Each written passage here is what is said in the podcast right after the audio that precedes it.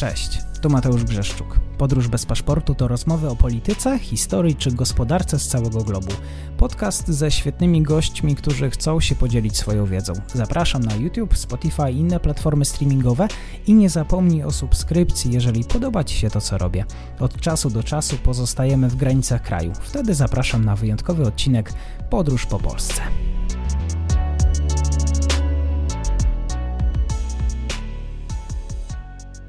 Dzień dobry, przy mikrofonie Mateusz Grzeszczuk, a moim gościem jest dzisiaj Bartosz Chmielewski, dziennikarz portalu Przegląd Bałtycki, zainteresowany w szczególności Łotwą, Litwą i Białorusią.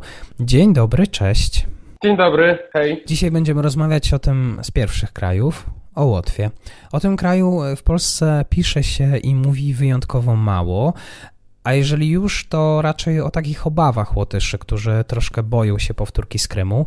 To też jest niesamowite, przyznam, że w każdej rozmowie gdzieś się przebijają te wątki rosyjskie albo chińskie i o tym też dzisiaj będziemy mówić.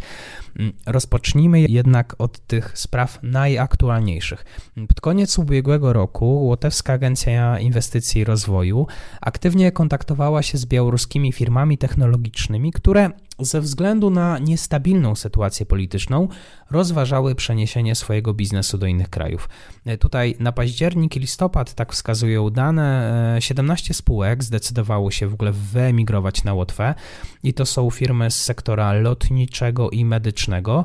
E, panie Bartoszu, dlaczego akurat Łotwa jest tak bardzo zainteresowana białoruskim biznesem? To są związki łotewsko-białoruskie, które się ciągną od chyba 30 lat tak naprawdę. Tutaj chciałbym podkreślić, że o białoruski biznes, o białoruskich hejtyszników, że tak użyję rusycyzmu, walczyła nie tylko Łotwa, ale też i Litwa, i Ukraina, i, i Polska. To był dość e, popularny temat jesienią zeszłego roku i te wszystkie kraje się o to starały. Natomiast z Łotwą Białoruś jest połączona przez związki ekonomiczne, przez chociażby tranzyt z Białorusi, przez łotewskie porty, poprzez firmy, które, które działają na, na terytorium Łotwy. Chociażby ostatnio była kwestia jednego z białoruskich biznesmenów, który pracował, który prowadzi swoje biznesy na Łotwie i tutaj był dość e, taki politycznie duży problem, gdyż białoruska diaspora podawała e, informację, że to jest człowiek, który jest związany bardzo blisko z reżimem białoruskim Natomiast no, Łotysze jakby cały czas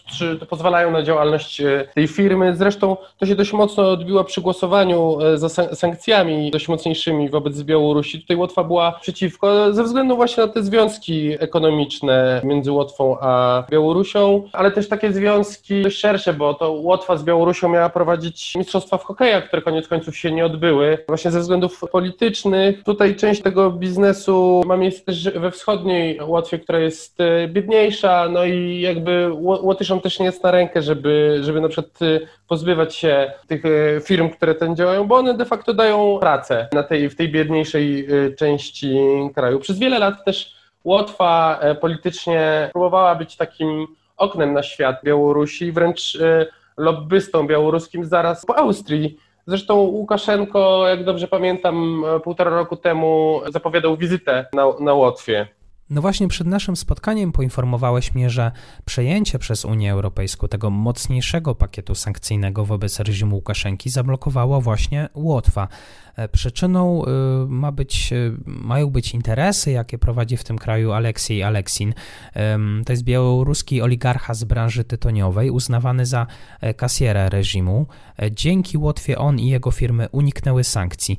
Mm, co ciekawe, Łukaszenka własnoręcznie miał zmieniać granice Mińska, aby w ogóle umożliwić budowę tych zakładów, a biznesmen Aleksiej Aleksin jest właścicielem, posiada prawa do wyłącznej dystrybucji papierosów.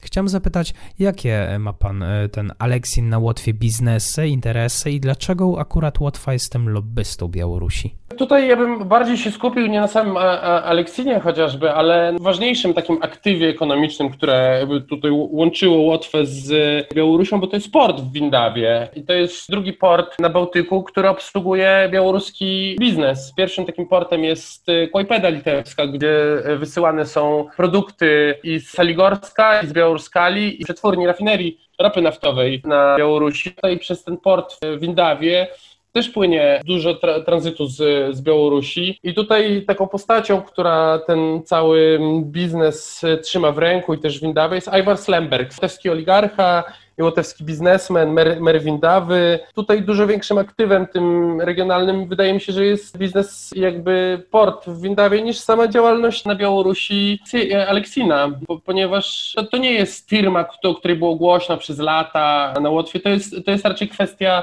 ostatnich tygodni, jakby wypłynięcia tej informacji. Tutaj ja bym bardziej się skupił na postaci Lembergsa niż na postaci właśnie Aleksina, jeżeli chodzi o związki ekonomiczne Łotwy z, z Białorusią. Ten pan po 12 latach został skazany na 5 lat więzienia, miał zarzuty o korupcję, pranie brudnych pieniędzy, mm, musiał też zapłacić 20 tysięcy euro grzywny.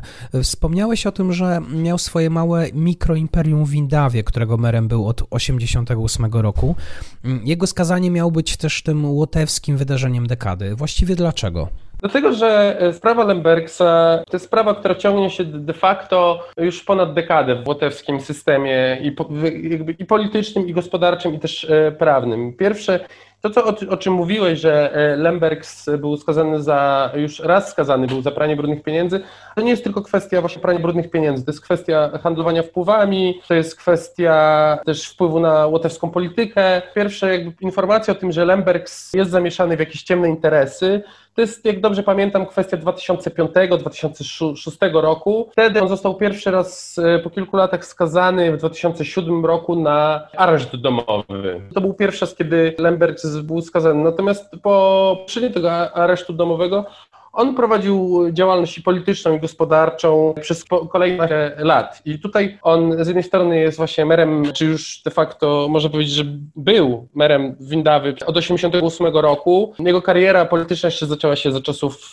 e, sowieckiej Łotwy. On też o, jest, oprócz tego, że jest merem Windawy, ma e, własną partię polityczną, która jest partią regionalną, ale też jest częścią partii ogólnopaństwowej, e, ogólnołotewskiej, to jest częścią Związku Zielonych i Rolników, to jest partia, z której nawet, która była partią rządzącą na Łotwie kilka lat temu, też partią, z której wywodził się jeden z prezydentów Łotwy. Tutaj ta sprawa Lembergsa, ona się ciągnęła tak długo ze względu na to, że on miał dość duże wpływy polityczne i gospodarcze na Łotwie, Zresztą on należał do trzech łotewskich oligarchów, gdzie jakby trzeba podkreślić, że na Łotwie ten system oligarchiczny jest trochę podobny do tego rosyjskiego czy, czy ukraińskiego, jako, i to jest taki wyjątek na tle państw bałtyckich, bo tutaj właśnie ci, ci oligarchowie mają takie, takie wpływy i duże ekonomiczne, ale też e, polityczne, posiadając też wpływ na, na tą centralną politykę. I tutaj ta sprawa Lembergsa ciągnęła się tak długo, dlatego że on właśnie miał te, te dość potężne wpływy. Jego z tych wpływów trzeba było go osłabić. I tutaj takim dużym czynnikiem, który dążył do, do, do osłabienia właśnie pozycji Lembergsa były sankcje nałożone na niego w 2019 2015 roku przez Stany Zjednoczone, które wiązały się z zamrożeniem aktywów. Lembergs też jak, e, jak przypadło w Garchę, miał dość duży, e, dość duży pałac. To nie był taki pałac jak chociażby pałac Janukowycza pod Kijowem na Ukrainie, ale też ten dom był dość duży i to jest taki symbol właśnie tej e, jakby pozycji oligarchów na Łotwie, że on jest dość podobny do tego, co, co jest na wschodzie. No i Lemberg też nie poddaje się, bo tutaj to, to skazanie, o, o którym mówiłeś, to nie jest tak, że on trafia już teraz na 5 lat do więzienia. On sam zapowiedział, że będzie się e, odwoływał od tego, od tego wyroku, bo to jest wyrok pierwszej e, instancji. Przed nim też jest możliwość kasacji tego wyroku i też stwierdził, że nie będzie e, rezygnował z dalszej działalności politycznej, bo zapowiedział, że wystartuje w wyborach samorządowych i planuje je wygrać. No, tutaj ta jego pozycja jest dość, dość silna, ponieważ on w demokratyczny sposób wygrywał te wybory w Windawie. Jeżeli nie zostanie koniec końców skazany i i odwoła się i wygra to odwołanie i nie trafi do więzienia, to prawdopodobnie będzie dalej merem tej portowej Windawy. E, tutaj wspomniałeś o Lembergsie, ale e, o wpływach też decyduje nie tylko majątek, ale i wpływy polityczne. Jakie właściwie inne nazwiska pojawiają się w kontekście prowadzenia biznesu na Łotwie? Czy oligarchowie mają dzisiaj duży wpływ na politykę? Tutaj to jest trochę kwestia już przyszłości, jeżeli mówimy o oligarchach, bo Większość z tych łotewskich oligarchów straciła swoją pozycję polityczną jeszcze de dekadę temu i to był Einar Schlers i Andris Schelle. I oni już wypadli spoza tej, tej mainstreamowej łotewskiej polityki. Nie mają takiego wpływu jak właśnie w 2011 roku czy w 2012, kiedy wybuchł dość duży skandal na, na Łotwie, jak kiedy opublikowano ich prywatne rozmowy dotyczące właśnie podziału łupów politycznych na Łotwie. I jeżeli możemy mówić o oligarchach w, w łotewskim życiu politycznym, to możemy mówić trochę już jakby w czasie przeszłym, Tutaj jedynym takim nadal będącym w mainstreamie trochę jest właśnie ten, ten Lembergs. Natomiast można powiedzieć, że jeżeli on zostanie skazany, a mi się prywatnie wydaje, że on zostanie skazany, to jest to symbol tego, że jego wpływy też odeszły do przyszłości. Takie wpływy właśnie na, na, na dużą e, łotewską politykę raczej przeciętny Polak, przeciętny Europejczyk nie ma zbyt wielkiej wiedzy na temat realiów łotewskiej polityki, więc gdybyś mógł tak pokazać, jak wygląda dzisiaj łotewski parlament, e, kto wpływa na bieg politycznych spraw nad Dziwiną?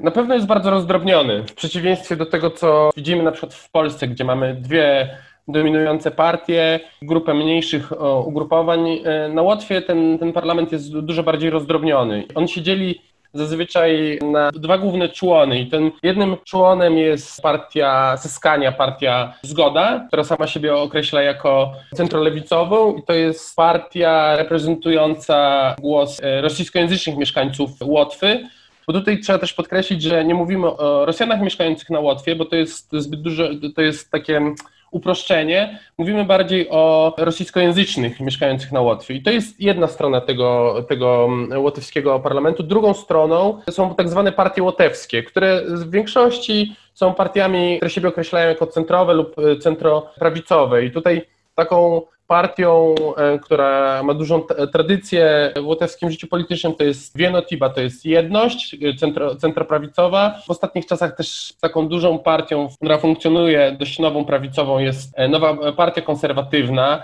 Jauna Konserwatywa, która jest partią, która de facto powstała jakby dla walki z korupcją.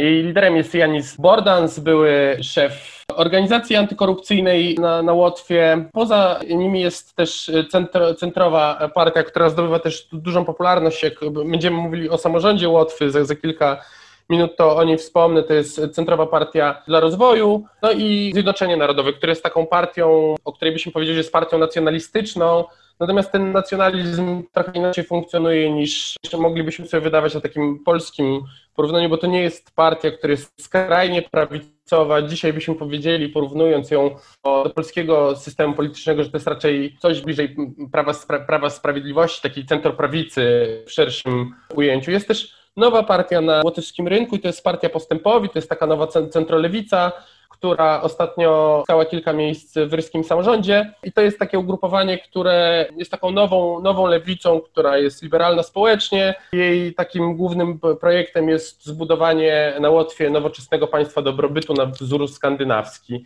I to tak mniej więcej funkcjonuje od, od lat, że, że ten system polityczny dzieli się właśnie na partię w cudzysłowie rosyjską, czyli partię zgody, partię zgoda, e, wcześniej jeszcze Związek Rosjan Łotwy, który już wypadł z tego mainstreamu politycznego łotewskiego i na partie właśnie łotewskie centroprawicowe. Jaki faktycznie wpływ na łotewską politykę mają partie prorosyjskie, politycy o takich ciągotach w stosunku do swojego sąsiada?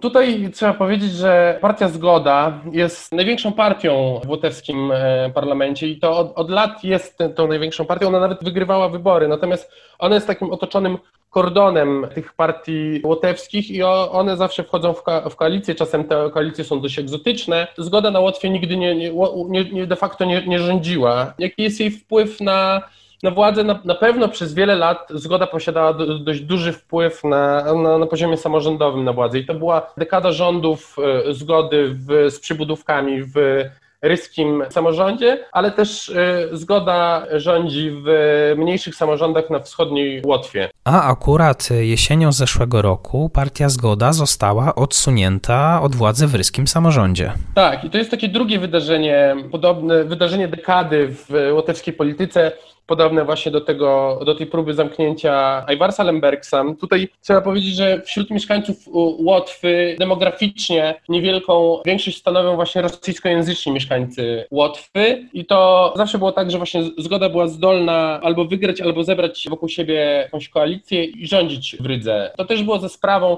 dość popularnego mera Reginiła Uszakowa, po łotewsku Nilsa Uszakowca, który był w przyszłości dziennikarzem pierwowo-bałtyjskiego kanała, to jest rosyjska telewizja, która była nadawana na państwa bałtyckie. I on był takim przykładem polityka, który był częściowo, który można powiedzieć, że był właśnie jak na te czasy, dekadę temu, nowoczesny, zintegrowany, bo i mówił po łotewsku, był młody, miał doświadczenie dziennikarskie, dość ładnie wyglądał, zresztą prowadził przez lata dość i prowadzi nadal dość bogatą działalność na, na Instagramie. Można zobaczyć, on tam relacjonuje swoją, swoją działalność. Tam przez jakiś czas wizerunkowo też wykorzystywał swoje koty, bo one e, mieszkały w ryskim samorządzie i były częścią wizerunku właśnie jego jako mera Rygi. I to się zmieniło w 2019 roku. Mił Uszakow został odsunięty do władzy decyzją administracyjną rządu centralnego ze względu na to, że ryski samorząd był zamieszany i władze ryskiego samorządu były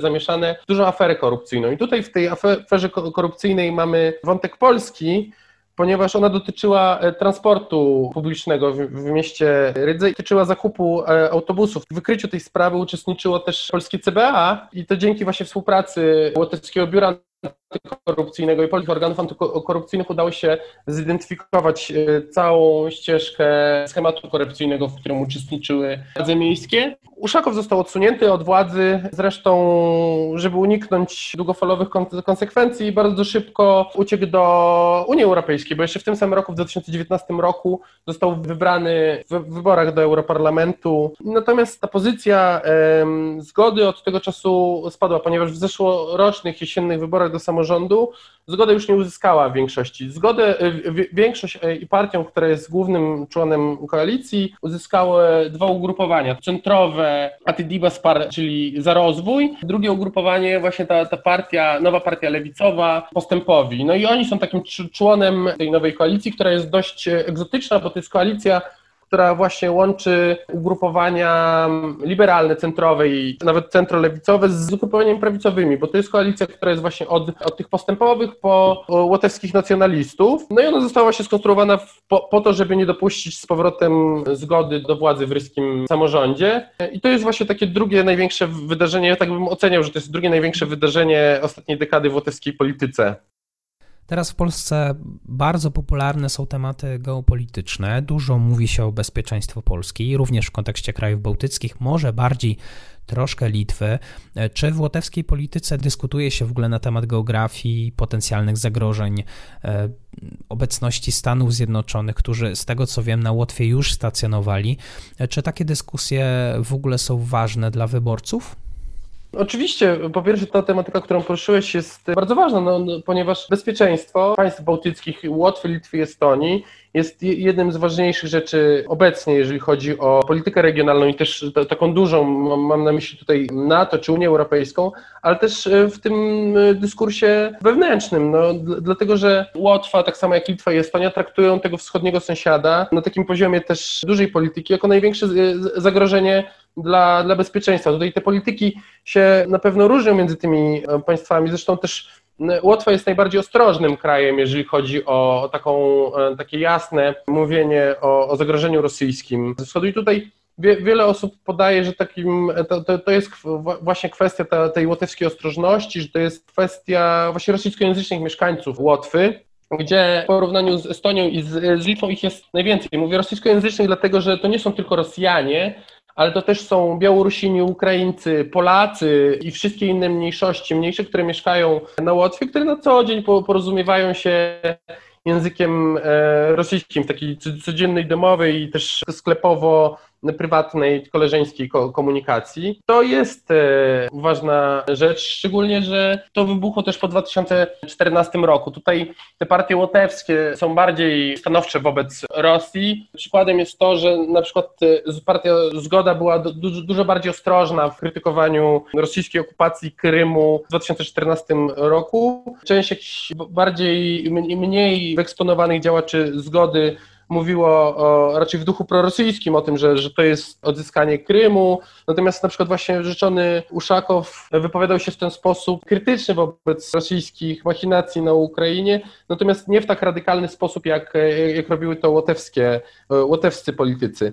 Tutaj jest to też kwestia tego, że ta mniejszość rosyjskojęzyczna mieszkająca na Łotwie jest dość mocno osadzona w, rosyjskim e, przekazie medialnym, ale nie tylko. To jakby ca całe społeczeństwo łotewskie, dotyczy też całego społeczeństwa łotewskiego. Tutaj może nie w kwestiach bezpieczeństwa, ale można było to ostatnio zauważyć na przykładzie dyskursu o szczepionkach, ponieważ e, Łotwa z tych trzech państw bałtyckich Mieszkańcy Łotwy są najbardziej sceptyczni wobec szczepień, ale to głównie szczepień za pomocą zachodnich szczepionek. Tutaj wśród wschodnich mieszkańców Łotwy jest bardzo duży odsetek tych, którzy chcieliby zostać zaszczepieni e, rosyjskim Sputnikiem. Nawet jeden z polityków samorządowych, mer Rezekne, po polsku Rzężycy na wschodniej Łotwie, Aleksander Bartoszewicz, postulował, żeby rząd rozpatrzył taką możliwość szczepienia i zakupienia Sputnika 5, Sputnika V czyli po raz kolejny dyplomacja szczepionkowa w wersji rosyjskiej.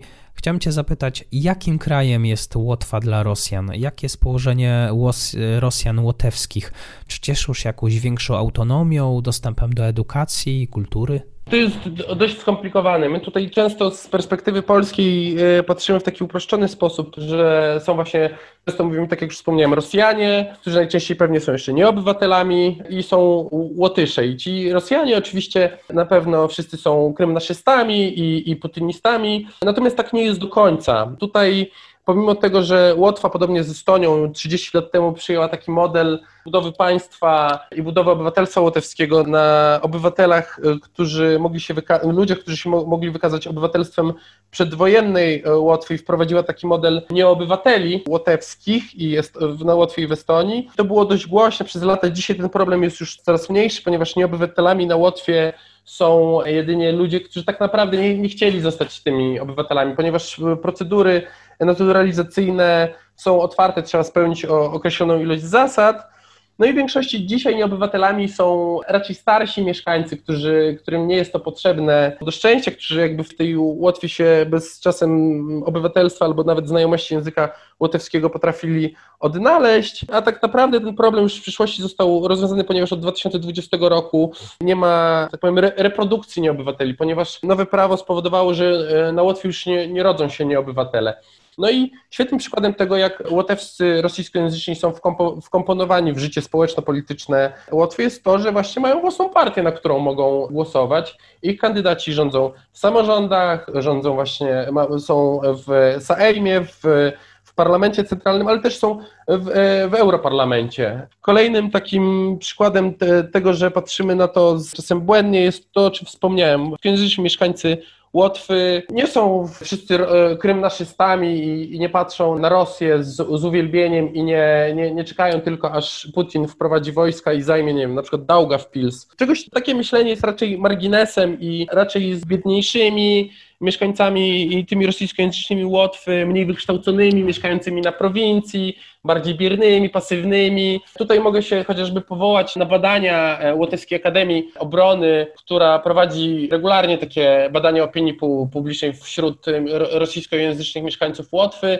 I tutaj na e, pytanie zadane przez łotewskich socjologów, czy łotewscy rosyjskojęzyczni czują się w jakiś sposób dumni z tego, że są na Łotwie lub czują się w jakiś sposób patriotami łotewskimi, no to dumni z, z mieszkania na Łotwie są, jest większość rosyjskojęzycznych, bo aż 61%. I tutaj trzeba z, zwrócić uwagę na to, że, że ci rosyjskojęzyczni są, są różni. Ja mogę na przykład powiedzieć o swoich znajomych, którzy mają około 30 lat, mieszkają w Rydze, często mają dość dobrą pracę w, w Ryskim City, czy prowadzą jakąś działalność na, naukową na Uniwersytecie Łotewskim. I oni bardzo często są z, zintegrowani. Bardzo często są w stanie mówić i po łotewsku, i po rosyjsku, łącznie z tym, że najlepszym tego przykładem jest to, że ostatnio jak byłem w Rydze, jeszcze przed pandemią, szedłem z moim znajomym Andrejem, który jest doktorantem na Uniwersytecie Łotewskim. Rozmawialiśmy między sobą po rosyjsku, natomiast wchodząc do restauracji, on już przychodził, czy wchodząc do sklepu, on już przychodził płynnie na łotewski, rozmawiał po łotewsku. Jest łotewskim de facto, pomimo tego, że w ogóle urodził się poza Łotwą w latach 80.,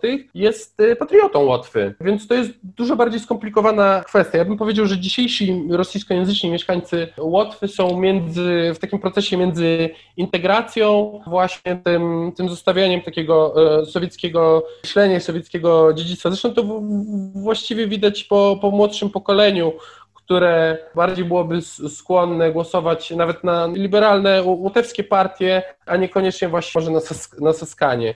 I tutaj, e, jeżeli mówimy o takim zagrożeniu z Rosji, które było dość popularne po 2014 roku i czasem polscy geopolitycy lubią rozważać scenariusz, gdzie e, łotewscy rosyjskojęzyczni proszą Rosję o wprowadzenie wojsk i o ustanowienie jakiegoś takiego ruskiego miru na terenie Łotwy, tego raczej nie można e, oczekiwać. Jest to mało prawdopodobne, ponieważ nawet ci Łotyszy, e, rosyjskojęzyczni obywatele Łotwy mieszkający w biedniejszych regionach, bliżej granicy z Rosją, Widzę, jaka jest różnica w poziomie życia na Łotwie i w Rosji, gdzie na Łotwie te emerytury, które są wypłacane starszym ludziom na prowincji, są wyższe niż te po rosyjskiej stronie. Ta infrastruktura też na, na Łotwie jest z pewnością lepsza niż po, po rosyjskiej stronie. Mieszkając gdzieś na prowincji, można bez problemu funkcjonować, zamawiając tylko internet, zamawiając e, rzeczy na, na dostawę, bo, bo, bo takie usługi teraz funkcjonują na Łotwie, więc y, ja bym się nie spodziewał, że, że oni oczekują pomocy z Rosji, ponieważ ta Rosja jest coraz mniej atrakcyjna. Ona jest biedniejsza, y, ten poziom życia jest y, niższy, natomiast mieszkając na Łotwie można wyjechać do pracy w Anglii, do, do pracy w Skandynawii, tam zarabiać pieniądze i, i funkcjonować. Nikt z Łotwy nie jeździ do Moskwy do pracy, bo to się po prostu nie opłaca. Wspominałeś o patriotyzmie łotewskim w kontekście tego swojego znajomego i jestem bardzo ciekaw, na czym w ogóle on opiera się, e, żeby osadzić historię Łotwy, to jakie motywy, jak daleko sięgają Łotysze w przeszłość? To jest bardzo trudne pytanie, bo łotewska, łotewska myśl taka narodowotwórcza jakby wywodzi się z jeszcze, powstała w XIX wieku i ona ma źródło właśnie w czasach carskiej, nie wiem czy mogę nazwać okupacji, bycia częścią carskiej Rosji i ona w ogóle nie była tworzona w kontekście jakiegoś konfliktu z Rosją, ona była bardziej tworzona w kontekście konfliktu z niemieckojęzycznymi e, e, mieszczanami e, Rygi, rosyjskojęzyczną, niemieckojęzyczną szlachtą łotewską, która była tą warstwą panującą w, czasach carskich, natomiast Łotysze byli chłopami, ale to się zmieniło na przestrzeni dziejów. Dzisiaj ten jakby łotewski patriotyzm, jak ja bym go mógł rozumieć i ta łotewskość jakaś to, tożsamość łotewska, jeżeli jest, to ona jest raczej kupiona na Rosji, jakby na, na antytezie rosyjskości, na nie, nie, niebyciu Rosją. A jeżeli mówimy już o tym moim znajomym i o tym, jak się jego patriotyzm przejawia, to właśnie jest używanie języka łotewskiego w przestrzeni e, publicznej, ponieważ dla, dla państw w państwach bałtyckich, e, w szczególności na, na Litwie i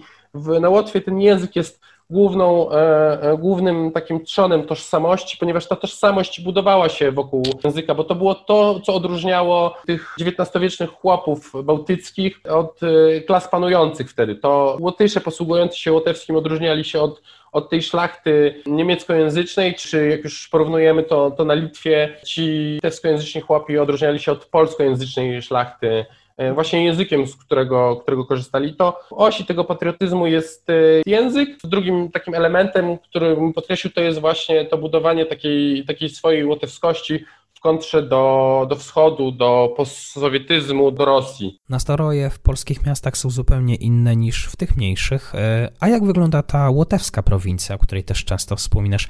Jak się żyje tym zwykłym Łotyszom w regionach? To też jest e, dość trudne pytanie, ponieważ Łotwa jest takim państwem, które jest zdominowane przez Rygę. Tak naprawdę jest e, Ryga i może powiedzieć, że Łotwa to jest Ryga i przedmieścia, bo to w Rydze mieszka praktycznie jedna czwarta wszystkich mieszkańców Łotwy, to w Rydze się zarabia pieniądze, to do Rygi często się do, dojeżdża e, nawet 50 kilometrów do pracy. To właśnie Ryga jest takim sercem Łotwy. Zresztą w ogóle jak porównujemy Rygę z całym regionie, to to jest cała największa metropolia w państwach bałtyckich, bo ona jest e, i de facto bardziej okazała i, i, większa i od Talina, i od Wilna, i od Kowna. Na prowincji łotewskiej to też jest duży problem Łotwy jest trudniej. Z, z, pewnością to jest też tak, że na Łotwie jest problem wykluczenia komunikacyjnego, bo nieraz są takie regiony, do których trudno dojechać. Już podam taki skrajny przykład prowincji ładgalskiej czy prowincji wokół Dyneburga, bo tam podróżowałem kilka lat temu, no to żeby dojechać z Dyneburga do jakiejś mniejszej miejscowości, to czasem się zdarza tak, że jest jedna, jedna marszutka czy jeden autobus dziennie, a są takie miejscowości, gdzie tak naprawdę bez samochodu nie da się dojechać. Jest to niemożliwe, żeby podróżować e, bez własnego środka lokomocji. Zresztą ja miałem kiedyś taki przypadek, że trafiłem w taką dziurę komunikacyjną na Łotwie, że